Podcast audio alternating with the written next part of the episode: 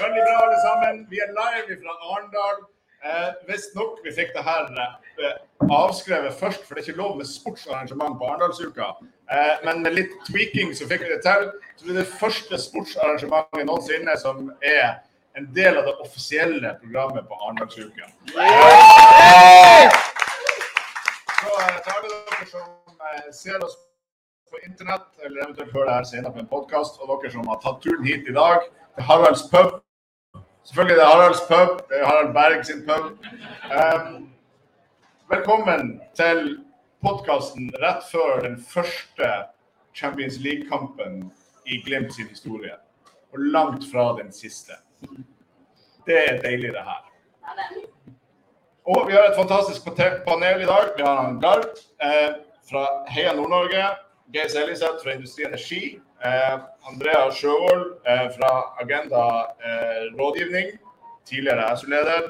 Eh, og vi har Stian Grøthe, som må få lov å være med selv om han ikke er Glimt-fan. Men han er veldig fotballinteressert og har jobba i eh, Norsk Sjømannsforbund. Så vi har en veldig kompetent eh, forsamling her i dag.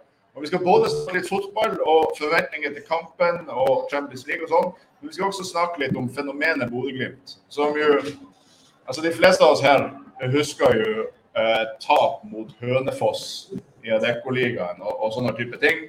Eh, vi feira opprykket i 2014 og tenkte at vi skal aldri tilbake dit. Og der var vi igjen i 2016. Etter det så har det bare eksplodert. Eh, I dag så er Bodø-Glimt en 100-millioners bedrift i Nord-Norge som har så stor suksess at det flytter tyngdepunktet i fotball nordover. Eh, ikke bare internt i Norge, men i Norden. Vi har akkurat signert et av Danmarks største talenter til en overgangsrekord i norsk fotball. Og det er et dansk talent som har valgt å reise til Norge for å utvikle karrieren sin, istedenfor motsatt. Så det, det vi begynner med i dag, er å diskutere hva kan Nord-Norge for øvrig, hva kan nordnorsk næringsliv og nordnorske institusjoner lære av det her, den suksessen som Bodø-Glimt har hatt. Uten noen naturgitte forutsetninger, uten noen rike onkler eller noe sånt. De har bare skutt fart, basert på kvalitetsfokus og egne prestasjoner. Eh, Gard, du kan få lov å begynne. Hva tenker du om det? eh, kan du tenke mange ting. Det man kan tenke først at det Glimt kanskje har lært nordnorsk arbeidsliv, næringsliv, andre virksomheter, er at det, det, det er ingenting som taler for at Bodø-Glimt skal være det beste laget i Skandinavia. Kanskje til og med Norden. Eh, Og det her er kanskje noe som vi i, i, i Nord-Norge tror jeg kanskje vi glemmer det litt.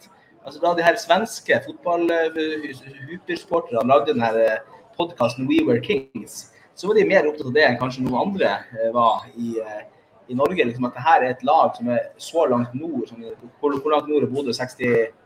60, 67? 60, ja, i hvert fall. Jævlig mange. Wow, wow, jævlig komplisert. okay, At at lag så langt nord er blitt best i Norden, det er ikke temperatur til det. Det er ikke, det er ikke folk nok til det. Det er ikke, det, det, det, det er ikke forutsetninger som kompetansemessig, trenermessig, og vi har ikke råd til de beste spillerne. Men det Glimt har gjort, er å ta de altså For det første, punkt én, det er gratis å jobbe hardt. Det er gratis å trene. De var i best form. Punkt to, du, du kan bli best også ved å utvikle de nest beste. Eller i Glimts tilfelle kanskje de tredje-fjerde beste. Altså Botheim, Solbakken var jo folk som måtte være sparka ut av sine lag. De var uten kontrakt. Eh, Al Alfons Samsted var, spilte på, langt nede på nivå i Sverige. Nikita Haikin skulle legge opp karrieren sin. Han, liksom, han var på vei hjem til London og skulle, skulle legge opp neste dag. Og i, da, i kveld spiller den gjengen her i Champions League. Så det, det kan vi også lære noe når det gjelder rekruttering, kompetanse og talentutvikling. At ok, kanskje får vi ikke de aller, aller beste søkerne til Nord-Norge, men og, og, og i noen tilfeller må vi kanskje ha de beste, men kanskje også kan utvikle folk. Og utvikle de nest beste til å bli de beste. Det var et langt og konkret resonnement. Skal jeg gjøre det videre? Jeg syns det, var- Ja. jeg, jeg synes det var veldig bra. Du, eh, du blir nestemann når du bor i en plass som er enda lenger nord, for at du har jo til og med vært styremedlem i idrettsforeningen der oppe. og forskjellig. Men, eh, men eh, du nevnte eh, Gard We Were Kings. Ja. Og I den podkasten gjør de et poeng av at Bodø-Glimt er det første laget i historien på planeten eh, nord for Polarsirkelen som har vunnet serien. Og jeg, uten å ha sjekka det, så er jeg ganske sikker på at i dag, eller hvis vi vinner i dag, så vil Bodø-Glimt være det første laget fra nord for Polarsirkelen som deltar i gruppespill i Champions League. Eh, altså, vi har jo en del stjerneeksempler, særlig fra den, den bransjen som du representerer. Eh, med veldig høy teknologi, veldig eh, verdensledende på sine felt. Finnfjord smelteverk eh, f.eks., eh, der det er mye eh, kraftkrevende industri i, i, eh, på Helgeland. Som er i en global konkurranse og likevel lykkes i Nord-Norge. Er det paralleller du ser der mellom Bodø-Glimt og, og det å tørre å satse og kunne si i Nord-Norge at selv om vi er der vi er, så skal vi være verdens beste på det vi driver med? Jo, ikke sant at Det er ikke sånn, selv om det virker sånn at ganske mange tror det, så er det ikke sånn at alt vettet er konsentrert i Oslo. Det, det er ikke sånn at alt som er godt på kloden, skjer i metropolene. Good things happen in small places. Rare folk kommer opp og, og gjør ting, rare ting og blir utrolig gode. Og sant, når, når, når vi sto her i vår, så sto vi på Barentshavkonferansen, og så har Roger Finnjord, han som var landslagstrener for damene, var konferansier. Og så intervjua han på scenen, så starta han hele greia med å synge 'Dæven, det er deilig, det her'. Og så etter hvert så kom hun opp hos en toppsjef i Norsk olje og gass, nå sitter Offshore Norge. Og så sier hun ja. Og forresten så, så Han men han kom fra nabolaget mitt i Oslo. Ja, sier han. Ja, ja, sier Roger Finjord. Men du vet hva som skjedde med han han kom nordover? Nei, sier hun. Han ble god. Det er lov å bli god i Nord-Norge. Klart det er lov å bli god i Nord-Norge. Klart det er lov å gjøre ting som er rare ting. Og det er jo ikke så spesielt at vi gjør det, men det er innramminga på det som er spesiell. At det skjer på det han eh, Hva han heter Mourinho. Nokså foraktelig kaller plastic pitch. Men altså, vi har tatt de rammevilkårene vi har. Vi har gjort de tingene som skal til. Og så klarer Bodø-Glimt å få de resultatene i en symbiose med resten av befolkninga. I hvert fall i Nordland, i store deler av Norge. Og så er det et par byer som henger litt igjen. De kommer nok til å komme etter hvert. Men, men det er, er det vilt. Det er mulig å reise nordover og bli god. Og det er det mange som har klart før òg. An- Andrea, du, i likhet med meg, så er du en Glimt-fan som bor i Oslo. Ja. Eh, hvordan, er det en, en styrke eller en ressurs eller noe sånt for en landsdel som Nord-Norge å ha en diasporabefolkning i sør? Eh, eh, jeg må jo innrømme at jeg har alltid vært Glimt-fan, for all del. Eh, men etter at jeg flytta sørover, så har det jo på en måte blitt enda sterkere. Da blir Bodø-Glimt og det som skjer i Nord-Norge, det blir en, en link til gamlelandet og, og, og historien og arven osv. Er det også noe som kan være ressurs for nordnorsk næringsliv, at, eh, at det er ganske mange i resten av landet som har enten bodd i Nord-Norge tidligere sjøl, eller som har ana derifra? Altså, man blir jo aldri så glad i eh, Bodø som når man flytter derfra. Eh, og, eh, og det å ha gode Nord-Norge-ambassadører, gode Bodø-ambassadører i, i hovedstaden er jo utrolig viktig. Det er jo dessverre der mye av makta og ressursene ikke minst sitter. Og hvis vi tenker på hva er det Nord-Norge kan, kan lære av Bodø-Glimt, så er det jo også det å skape måte, den begeistringa i altså, i befolkninga eh, rundt et prosjekt, rundt eh, en idé. Eh, og at det sprer seg rundt i, i hele Norge, da. Og i hele verden, ikke minst. Jeg tror ofte når man, snakker, når man er fra Nord-Norge, så sier man alltid sånn OK, tenker vi for smått, eller er vi for sytete, eller oppfattes vi for ambisjonsløse? Vi må på en måte bort fra det. Og det er jo det Glimt har vist oss. At vi er jo en landsdel med enorme ressurser. Man har god plass, man har en god plassering i verden, så lenge Russland slutter litt med det de driver med. Eh, så, så må vi lære eh, av Glimt at eh, vi må gå bort fra de gamle ideene om måte, landsdelen vår. At vi er noe mindre enn det, det vi er. vi kan ha de største ambisjonene, vi kan nå det. Vi må bare ta den plassen. Slutte å være tafatt og begynne å ta fatt. Mm. Veldig bra. Eh, Stian, du er jo over gjennomsnittlig fotballinteressert. Eh, men du er fra Innlandet og har ikke noen veldig sterkt forhold til noen norske fotballklubber. Så du har på en måte sett deg Glimt-eventyret utenfra. Og ja, i, likhet med meg så er du belasta. Jeg har alltid vært tenkt at det var belasta med å være Glimt-fan, men akkurat nå for tida så er du belasta med den byrden å være Manchester United-fan. Og det er jo et lag som er i den situasjonen at hvis Glimt er uheldig å tape i dag, eller tar en tredjeplass i, i Champions League-gruppespillet, så kan vi faktisk møte Manchester United. Og med den formen som Manchester United har i dag, så kan vi faktisk sannsynligvis vinne for Manchester United. Eh, skala fra 1 til 10, hvor absurd tenker du at det er at Bodø-Glimt har havna på det nivået? Det var ingen som i hvert fall kan eh, i dag tror jeg, si at det hadde spådd eller forventa det. Men eh, eh, det er litt interessant at du trekker inn Manchester United, da, som alltid har vært klubben min. Men eh, jeg tror det, det vi ser, er at eh, United har vel brukt eh, ganske mange år på å bygge ukultur. vil jeg. Altså, det er vel kanskje derfor de er der i dag, mens Bodø-Glimt kanskje har brukt de siste åra på det motsatte. Bygge en veldig god kultur. Det er i hvert fall det virka på meg på utsida. Det har jo åpenbart truffet veldig ut med treneren, som jeg da henta fra Bergen her, han Ketil Knutsen. Og så virka det på meg som de er veldig flinke til å spotte eller å finne eh, utslettede diamanter som andre klubber på en måte har oversett eller, eller forkasta. Det var jo den Kotheim og Solbakken her eksempelvis, som da ikke fikk det til andreplasser, men som, som, som virkelig har blitt stjerner i, i Bodø-Glimt. Det som jeg også syns er veldig spennende, det er å se at det mista noen spillere her nå i høst. Og så virka det på meg som at relativt kort har fått nye spillere til å blomstre samme rollen. Og da er det sånn da ligger en kultur som er veldig god. Eh, Så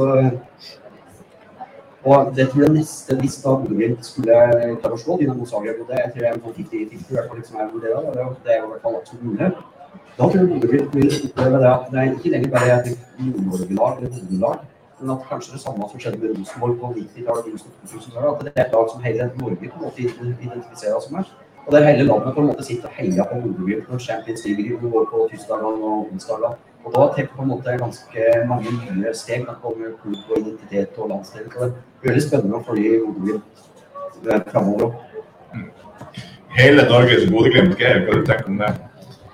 Ja, det hele Norge tror jeg vi skal vente litt med. Men men store deler av Norge jeg, jeg tror vi kommer til å ha et par svarte. Tromsdalen er det mye folk som liker Glimt. Er det mye ut av. Men, men det som altså, I den moderne verden så er vi veldig ofte på jakt etter den ene tingen som utløser suksess eller fiasko. Og det er jo ikke det. Altså, det, det, det å gjøre det her til Kjetil Knutsen sitt aleneverk er tull.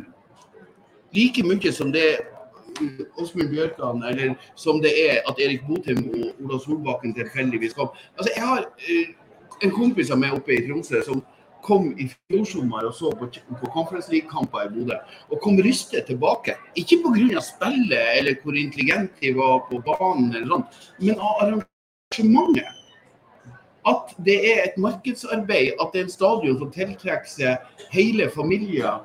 Det er unger der, det er ungdommer der, det er besteforeldre. Det er, det er nesten som du triller inn fra sykehjemmene i nabolaget. Men altså, her er her er et mangfold. Det er kun gjennom mangfoldet at du klarer å skape engasjementet og du klarer å skape det som skal til. Og, og, og det, alle de her parametrene som treffer samtidig. Det er noen som er gode på trening, det er noen som er gode å spille fotball, det er noen som er gode å spotte talenter. Det er noen som, som er gode med markedsarbeid, det er noen som er gode på arrangement. Og det er noe som er fryktelig artig å oppleve når alt smeller i hopen på et tidspunkt.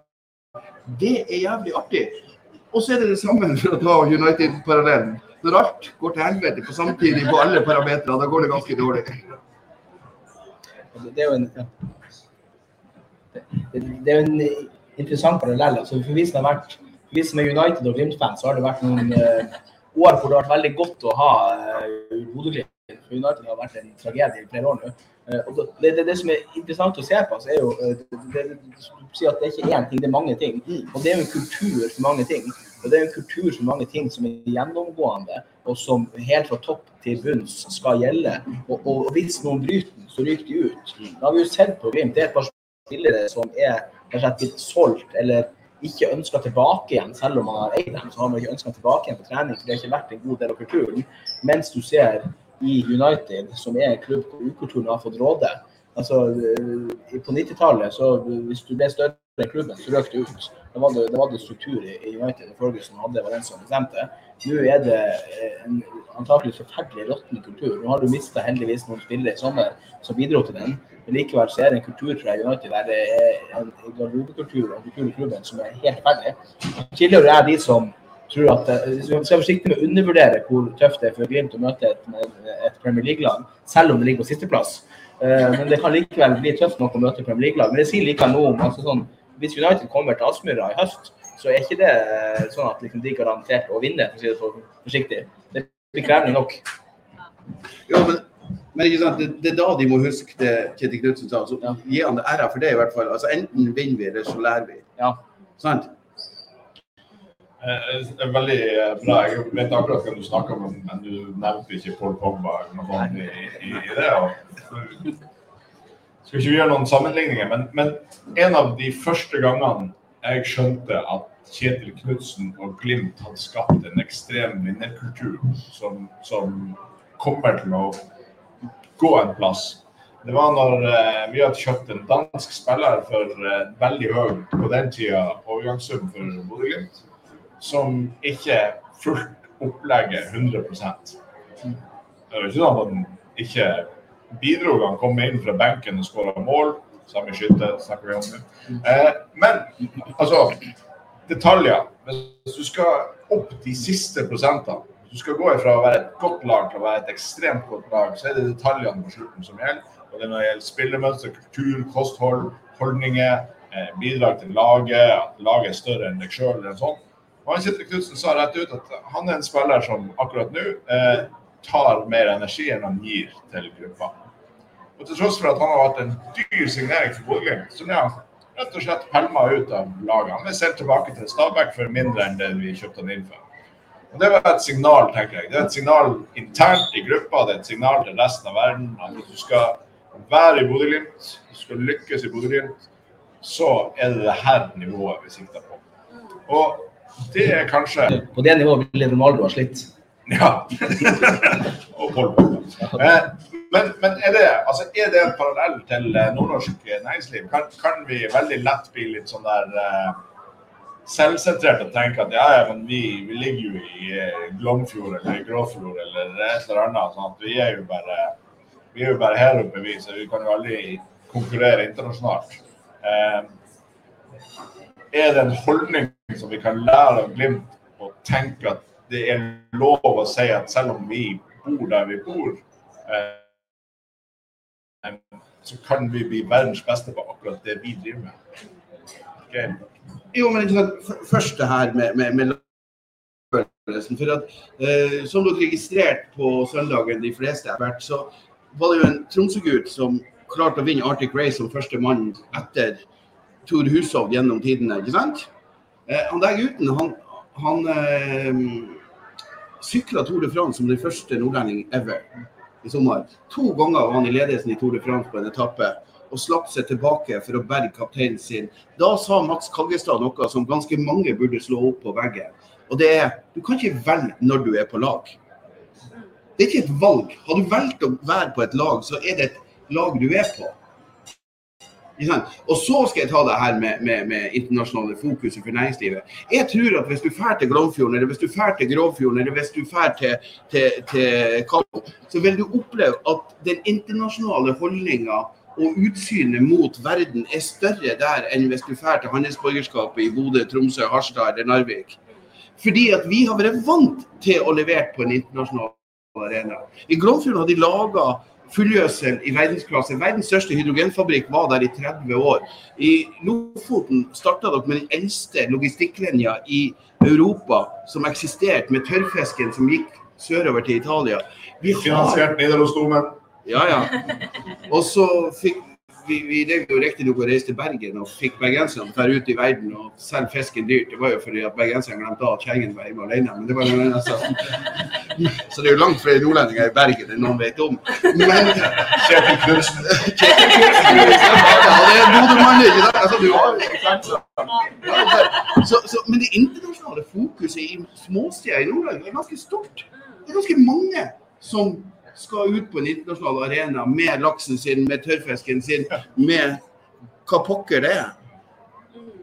Og det tror jeg kanskje er en lærdom som kan gå fra utkant til sentrale strøk, i den grad vi har sentrale strøk i Nord-Norge, på en bedre måte. Takk. Vi har en bra tetthet av folk eh, lenger nord i Nord-Norge som ikke evner å lage en toppklubb, men eh, vi kan la det ligge. Gard, du hadde noe på hjertet? Ja, det er samme, for det er jo et todelt svar. Altså, at vi har gjort det i mange år. Vi har gjort det med fisk, vi har gjort det i mange år med, med del industri. og det er altså sånn, og, og nå, altså Gråfjord, hvor de bygger båter som er verdensledende på automasjon og batteri, på Andøya så skal vi skyte opp satellitter som det første og eneste sitt slag i Nord-Europa. Så til en viss grad handler det om tror jeg, at vi kanskje ikke er flinke nok til å fortelle den historien og skryte av den, være stolt av det. Altså, det, det, det er jo noe med at eh, måte, det, det er kanskje lettere og, altså, det, er hardt å bli profet i egen by. Altså, liksom Gråfjord er nok mer kjent i verden enn de i Harstad. Uh, og, og, og det, tror jeg gjelder en del bedrifter i Nord-Norge, at de er mer kjent ute i verden enn de er på hjemplassen sin. Eh, og, så ser vi jo nå eksempler. Nylig altså, nå er det mye snakk om Freyr som skal, skal investere 17 milliarder i en batterifabrikk i en uh, mellomstor nordnorsk eh, by. Uh, og så blir det et problem. Nå skal vi ikke snakke om de som ikke er til stede, men det her er jo ikke, er jo ikke journalistikk, så vi føler ikke noe. Altså, og så er det fra land- en av landsdelens største aviser har gjort et problem at det investeres utenlandsk kapital uh, i nordnorsk industri. Altså, Vi burde jo hylle det. Eh, så kan jo, altså, burde hylle at det kommer folk og har lyst til å, bygge fabrikker, investere i arbeidsplasser i Nord-Norge i teknologi som er revolusjonerende og som er verdensledende eh, på, på alle felt. Men, men du, du når dere skal sende opp raketter på, på Andøya, kan dere huske på at spenningsnivået øker? Det gikk jo så dårlig forrige gang vi hadde så høyt spenningsnivå. Vi flinkere å sitte. Ja, ja, ja. Men kanskje eh, næringslivet i Nord-Norge må lære mer av Glimt-supporterne enn av eh, Glimt-laget, da. Altså, kanskje man må få eh, en egen glis, altså Glomfjord i sør, eller, eller lignende. For å, Synge mer. ja, ja, få lage noen ordentlige sanger. Vi kan sikkert ha noen workshops etterpå. Det er sikkert folk fra næringslivet her. Så kan vi stå og heie, heie utenfor, eh, utenfor der på, på de viktige aktørene som er i Nord-Norge. For det er helt sant at det er sinnssykt mye spennende og dritviktig som skjer eh, rundt om i hele Nord-Norge. Men det finnes dessverre ikke noe Champions League for eh, på hydrogenfabrikker eller på batterifabrikker. Kanskje man burde ordna litt mer eh, den type konkurranse for å sette, vise at vi er egentlig bedre enn resten av verden. Eh, og det å liksom skape det laget rundt også, altså supporterne er jo det er jo det som skaper Bodø-Glimt. Altså, forrige, når vi var, når vi var i Sarpsborg sist, så sier vi jo det her er Aspmyra. Og så fikk vi jo litt kritikk av det, hørte jeg i etterkant. Dette er Eh, Aspmyra. Opp eh, i kveld etterpå. i Polen. Um, I Polen. Ja, vi får se hvor det går. Men, eh, men det er jo det, det å skape entusiasme, det å ha eh, supportere, heiagjenger rundt om i hele landet og vise at vi er en hel gjeng. Det er ikke bare du og du og du. Vi er alle med og investerer i dette. Og vi legger også vår kjær på bordet hver gang Glimt spiller. Så jeg gjør det litt. Ja, ikke det. ja. Det, det blir enda bedre å skrike 'dette er Aspmyra' på Stamford Bridge eller eh, Anfield. Men eh, Stian, eh, vi, har fått et, vi har fått et spørsmål fra min, eh, fra min podkastkollega Per Magnus, som jeg tenker at du har noe annet du vil si sikkert også, men du kan prøve å svare på det her. Sett ut. I, I Norge så har vi noen plasser som er mer kjent enn de av at de har fotballag. Eh, kan gjøre en vurdering av hvor stor markedsverdi har det for Bodø, det Bodø-Glimt har gjort, eh, både gjennom alle år, men også nå i Europa. Jeg hadde en podkast med en kroatsk journalist her om dagen. Eh, er interessert i fotball i Europa i dag og ikke har hørt om Bodø-Glimt, så er du ikke egentlig interessert i fotball. Alle som har litt fotballinteresse i Europa og Nord-Norge, sånn, hva er verdien? Og der går det resten av panelet også, men du hva. Hva er, hva er markedsverdien av det Bodø-Glimt har fått til for Nord-Norge? Det skal jeg ikke svare på, gi noe tall på. Jeg- men eh, i Norge så er jeg tror det er sånn relativt kjent eh, uavhengig av Bodø-Glimt. Folk blir jo litt mer oppmerksom på det, men jeg tror de fleste er kjent med at Bodø er en sånn mellomstor norsk by nordpå. Det er klart hvis Bodø-Glimt hadde så det vil jo, altså, det vil jo markedsføre det vil jo markedsføre Norge, og ikke minst hele nordlige landsdel. Så den verdien til det tror jeg kan være eh, veldig, veldig stor. Eh, Det jeg hadde tenkt å si litt fra det her med du sa det er næringslivet kan lære. Eh, Og da tenkte jeg ikke bare næringslivet nordpå, men egentlig alt næringsliv. Det så handler jo om at hvis du jobber i en bedrift, så er det på en måte og en del av et lag. Og du nevnte jo det eksempelet med han eh, danske var vel ikke sin næringsliv eller på alle andre måter. Det er at da må du ha folk som ikke bare på en måte flyter på talent på jobben og, flyter yter 100 hvor eneste stjerna i bedriften går på jobb og yter 70-80% så smitter jo det over. og det, da, da, da får du en annen kultur i den bedriften. Og Det ser du ikke minst innen fotball. Eh, kan jo anbefale akkurat sett på den her eh, Arsenal-dokumentaren som nå ligger på ja, Amazon Prime. Der eh, Arteta, der det er en eh, episode som er, der Arteta der kikka ut han der Aubameyang, som var stjernen og lagkaptein i Arsenal.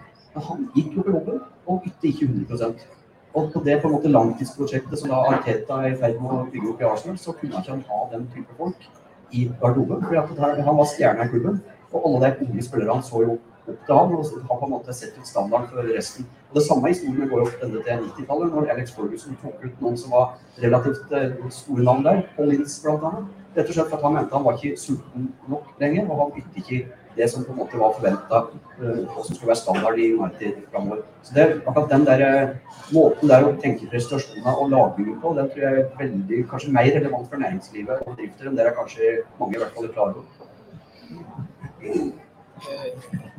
Altså, de som er eh, glad i å komme i Dagens Næringsliv for å bli overskrifter, hadde sikkert prøvd seg på tall, og skal ikke gjøre. det, for at Det å regne tall på hvor mye det er verdt, det tror jeg er helt umulig. Det som jeg tror jeg kan si, er at, i hvert fall at den, den verdien altså verdien til nå har vært solid. altså Man har vært i Conference League, man har spilt mot Roma og spilt med ekstreme kamper, men likevel så er det liksom, liksom her nede sammenlignet med hva som skjer du kommer opp i Champions League. For Når du kommer i Champions League og skal spille mot Manchester City eller Liverpool, eh, og du har noen av verdens største klubber på Aspmyra, og det sendes på hovedkanalene i hele fotball-Europa, med en Erling Braut Haaland løpende etter og blir stoppa av Isak Helstad Amundsen. Og, og det er og det, ja, du, du kjenner du begynner snart å eh, jeg tror jeg, skal ikke snakke høyt her. altså, liksom, de bildene av et Aspmyra i høstesol eller, eller nordlys altså av, Vinterstorm. Vinterstorm også kan være ganske fint og rått. Det, altså, det kommer til å bli en, liksom, det er jo litt på sånn Arctic Race og Norway-nivå, men egentlig mye større, tror jeg. For eh, en Nå blir jeg arrestert når du snakker om tall, sikkert, men jeg, jeg tror at Champions League-kamper har større flere seere enn Arctic Race of Norway. Jeg skal gjette. Det er jeg ganske sikker på. Så i, uten forkleinelse for et fantastisk sykkelløp, men Champions League-kamp er større. Så det blir spennende. Jo, jo, ikke sant? Og, og, og det er klart at det er markedsverdi der. Det er markedsverdi for de som vil være med på det, denne galeien. Om det er Norge, om det er Nord-Norge eller om det er bare Bodø. Så, så altså, til og med Ørnes kunne få noe ut av det. Altså, det, det, det er jo helt sikker på. Ikke? Og, Andrea, du må jo huske på den beste tekstlinja i norsk moderne musikkhistorie. Okay. Ja. Ja. Pøbla. Ja, ja. Ja, ja, ikke sant? Pøbla. Du husker Pøbla? Ja. Ja, Var det galt på Ørnes, var det verre i Bodø. by. så, så, så, så alle kan nyte godt av det her, og det har en markedsverdi alle. Men det hjelper jo ikke hvis vi svikter produktet i bunnen. Fordi at det er litt sånn at hvis vi slukker av nordlyset, så blir det færre turister. Altså, sånn er det. Og så tror jeg heller ikke vi må undervurdere det ekstreme i det vi opplever. Altså, det å selge ut en bitte liten by på nordlandskysten med konsekvent motvind kommer jo til å skape internasjonal furore. Og dæven, de kommer til å fryse når de kommer til Aspmyra. Så det her, det her kommer til å bli artig alle veier. Og Gard, ikke om vi kommer til Champions League. Når vi kommer. Ja, OK, ja, ja, men Ja, men da, da, får vi gå litt dit, da. Nå er det uh, um, under en time til vi sparker til vi skal høre Champions League-hymnen på Aspmyra. Hva med det her? For en tid vi lever i. Tenk å være levende akkurat nå. Eh, Champions League-hymnen på Aspmyra. Eh, vi møter en Si det en gang til. Champions League-hymnen på Aspmyra. Eh, vi møter en europeisk storhet. Alle har hørt om, om Dinamo Dynamo Zagreb. De, eh, jeg nevnte den podkasten vi hadde med han, journalisten eh, fra Kroatia. En eh, Hajduk Split-supporter, så han hadde ikke noe til overs for de han, men, eh, men likevel han kjent kroatisk fotball. Han sa at de var skuffa i fjor, for det ble bare Europaliga. En klubb som er så vant til Champions League at de har en dårlig sesong hvis de spiller i Europaligaen. Det er det vi møter i dag. Men likevel så er det vel litt sånn stemninga her at det er ingen som tenker at det her Nå går vi på trynet. Vi føler at vi har alle muligheter i dag. Hva dere tenker om kampen? Hva, hva tror dere hva tror dere setter i gang om litt under en time? Andrea, du kan begynne. Ja, jeg vet ikke. Men jeg kan, kan håpe for å vise oss eh, den kampen de er, virkelig har eh, forutsetningene for. det. ah, jeg, blir ikke spent når jeg snakker om, eh, om den kampen, fordi det er så dritviktig. Jeg håper at de ikke eh, lar seg måte ramme av eh, alvorligheten i det, og hvor viktig det er at de klarer å tenke at, eh, at dette her er en vanlig kamp, og vise at eh, disse Bodø-Glimt, som vi vet, eh, vet eh, at de kan. Men jeg, ja, jeg, jeg klarer nesten ikke å snakke om det, for det er så spennende. Jo, men, men, men det er jo samtidig egentlig Vi, vi skal jo ha perspektiver. Det er jo bare den nest viktigste kampen i Bodø Grunns historie. Det er jo ikke den viktigste kampen. Cupfinalen 75. Ja, Bare, bare, bare faen. Altså, jo, men altså, jeg, jeg, jeg er jo i motsetning til resten av lokalet såpass gammel at jeg husker jo det her. Jeg var på kvartfinalen på Aspmyra i, i 75, og så Glimt gikk videre til cupfinalen. Og ingen må undervurdere sjølbildet til nordlendingen før og etter cupfinalen i 75. Det var en mental reise som var så sinnssykt stor. Vi var bare noen få år unna at vi var ekskludert fra det norske fotballandskapet. Mjølner var oppe og vaka i, i det som var ja, i 72, ikke sant? og ble sendt rett ned igjen.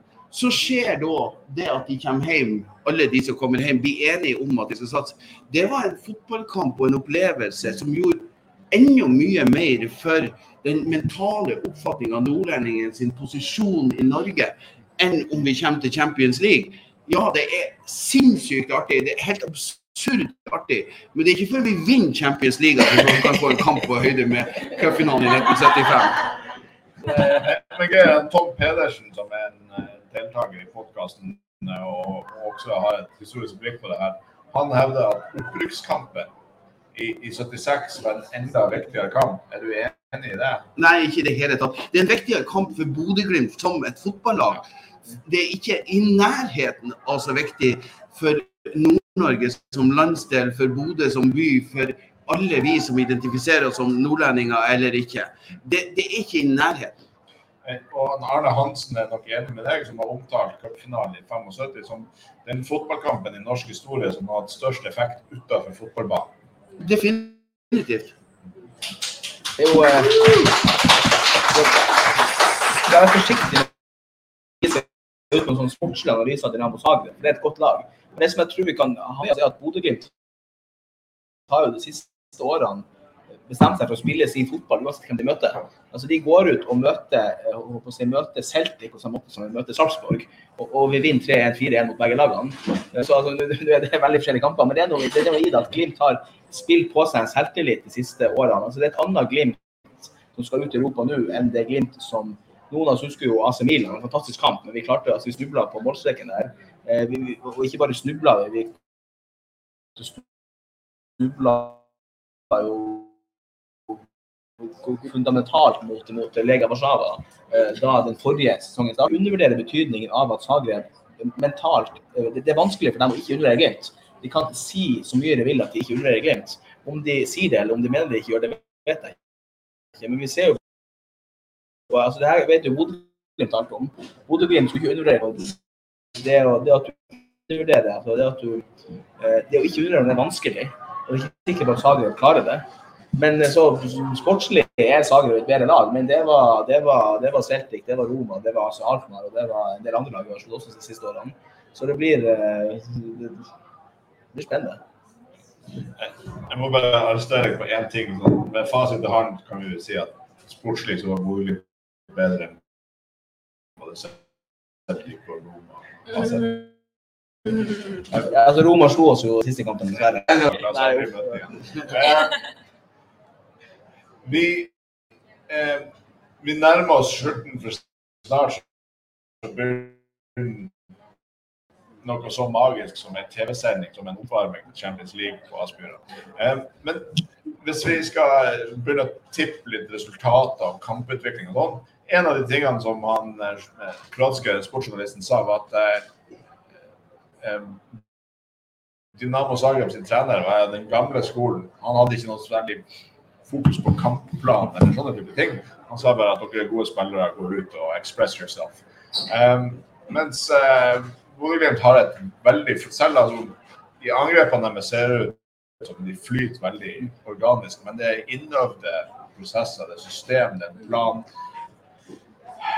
Bodø-Glimt sitt maskineri og plan mot uh,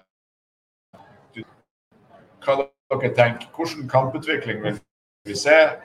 Hva blir resultatet? Har vi mulighet til å vinne? Har vi mulighet til å gå videre? Stian? Eh, Ja, så, ja, fordi at det er jo En ting er kampen i dag, men det er på mange måter vel så viktig den som kommer i neste uke. For det er jo i Zagreb der det til slutt blir avgjort. Jeg tror faktisk at Bodø-Glimt kommer til å klare det. Eh, Og det begrunna jeg med at eh, Bodø-Glimt har vært ute i Europa noen måneder allerede. De har spilt på som sjøltillit. Jeg vet at jeg kan hamle opp med, med, med klubber på det nivået ute i Europa. Det ene som jeg er litt like, spent på, det er jo altså, den Champions League-hyllen. Den kan virke på to måter. Enten så kan det bli opplevelsen enda bedre, eller så kan du rett og slett begynne å undre. Og du bare tenker det her er veldig stort, og betyr, altså, så klarer du ikke på en måte senke skuldra. Men når jeg har sett på hvordan han har jobba, eller i hvert fall slik som det framstår på utsida, hvordan Knutsen jobba med spillerne inn mot denne type kamper, så tror jeg de er i stand til å håndtere det. Jeg, jeg skulle ideelt sett gjerne hatt eh, Bodø-Glimt hjemme hvis vi hadde hatt hjemmekamp til slutt. Men jeg tror det var vel det til eh, før i dag vi diskuterte kampen. Jeg tror at hvis Bodø laget opp og fram i banen, og Bodø er veldig gode på overganger, er Og det der publikum der, der nede, spesielt hvis vil ikke begynner å skåre i løpet av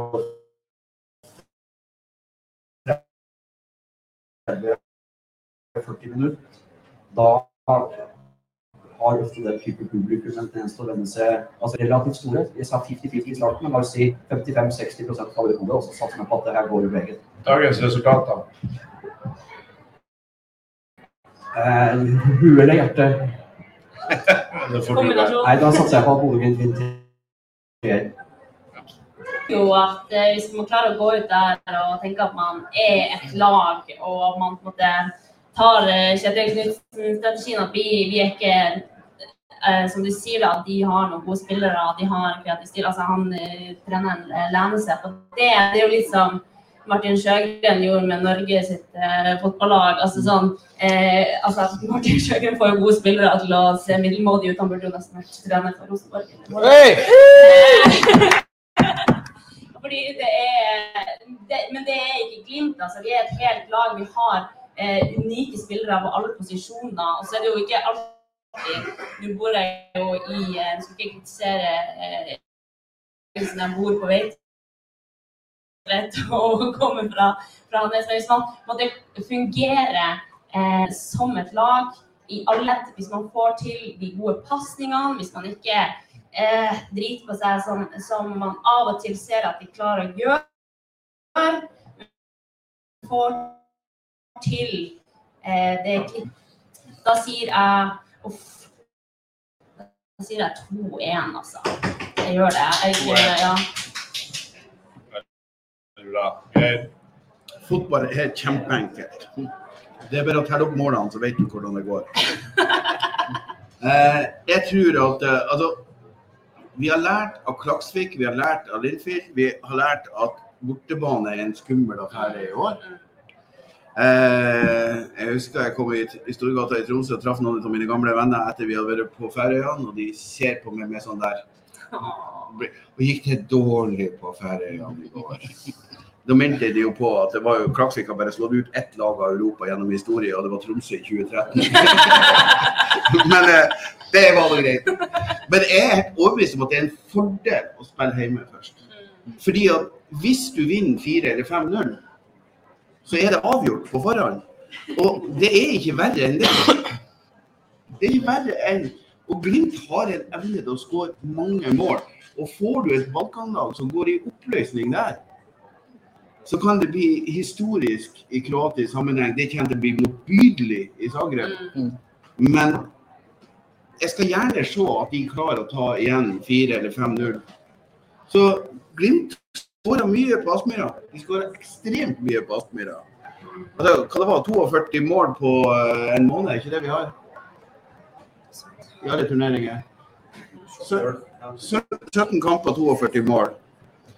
Det det, var det før Sarpsborg-kampen. Det, det er mulig det er 46 nå. Det er i så tilfelle helt absurd det vi er på med. Veldig mange mål er poenget. Ja, veldig mange mål, og jeg tror vi må vinne med veldig mange mål. Ellers så tror jeg det kommer til å bli røft. Takk. Så du sier er jeg sier, klart? jeg sier 4-0. Ja, det, det er noe likevel annet å møte Zagreb enn å møte Linfield på Aspmyra. Selv om det var åtte mål på Linfield. Men eh, Jo, men halvparten, da. ja, da, halvparten er fint. det er fint. Og, og, og så sånn, ja, bortebane mot, mot, eh, mot, eh, mot Linfield og Klaksvik var dårlig, men Glimt var ikke på toppnivå der. Altså mentalt. det. Glimt har vært borte og slått Celtic 3-1, og de eh, slo Alkmaar eh, altså, faktisk uavgjort borte mot Alkmaar med et lag hvor halve laget hadde korona, og resten ikke klarte å springe. Og hele benken så burde egentlig vært inne på sykehus. Så det, var et, vi har gjort ganske mye spennende på bortebane også. Men jeg er helt enig at ja, hjemmebane først i Glimts tilfelle er en fordel. For det er faktisk antagelig større sjanse for å ta ledelsen hjemme enn å gå på en storsmell borte først.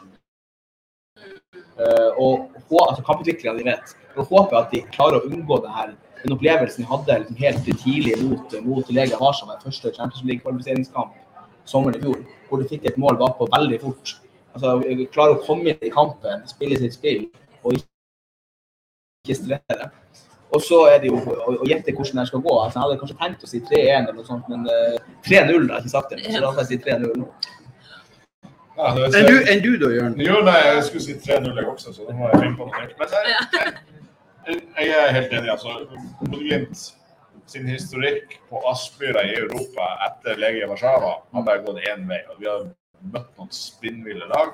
Eh, Vi har slått Roma to ganger på Aspmyra. Så den 6-1-kampen det kan alle si at det var snusår, det var de to som kjører mål eller ting. Men vi slo dem andre gangen også. Og vi kom under først. Ja, vi kom under først, og vi vant 2-1. Så Bodø-Glimt sin europahistorikk på Aspmyra er spinnvill.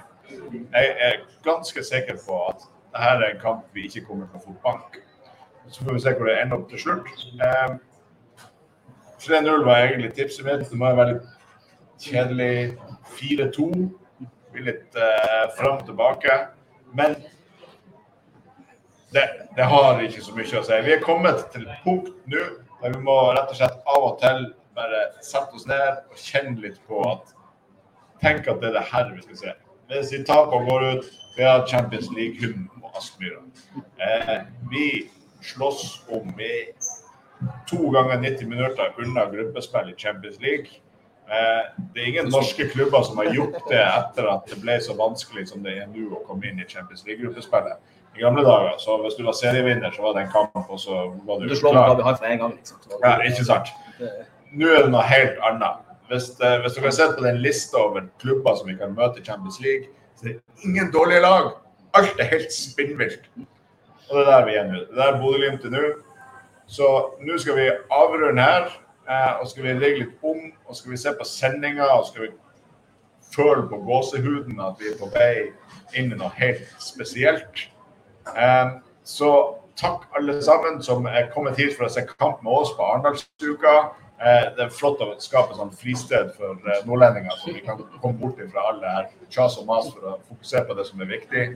Eh, takk, for, takk til panelet som deltok. Hva du vil Stian? Jo. For du har sagt gjentatte ganger altså Champions League på Aspmyra, og det er jo riktig. Men en ting, og det er kanskje sjøltilliten for nordlendinger er for eh, liten, men altså, det er jo Champions League inn i alle TV-studio i landet nå i dag. Med et norsk lag til stede. Det er stort for mange nordmenn, og det er Bodø og Bodø by som bringer til det tusen hjem i kveld. Veldig bra, Stian. Takk skal du ha. Takk til dere andre i panelet. Og takk til alle som har sett på oss eh, på internett. Takk til Haralds pub, som for all evighet etter dagen i dag vil kalles Harald Bergs pub Eh, Dutte, Harald Duttebergs pub.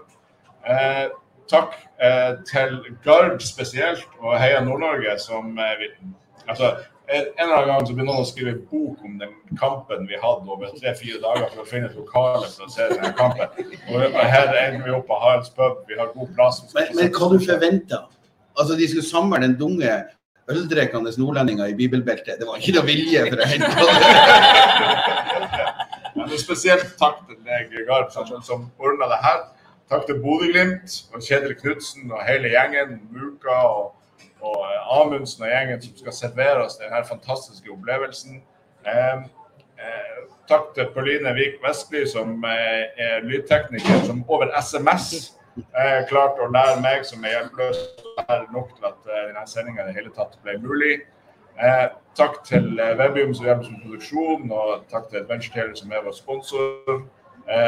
Men først og fremst eh, takk til eh, alle som har bidratt til at Bodø-Glimt er der vi er i dag, for det er helt, helt utrolig. Dette er Aspmyra! Dette er Aspmyra! Dette Er Aspmyra! Heia Bodø, heia Nordland, heia hele Norges Bodø-Glimt. Nå skal vi i Champions League. Dæven, det er deilig det her. Davende deli de hal. Deli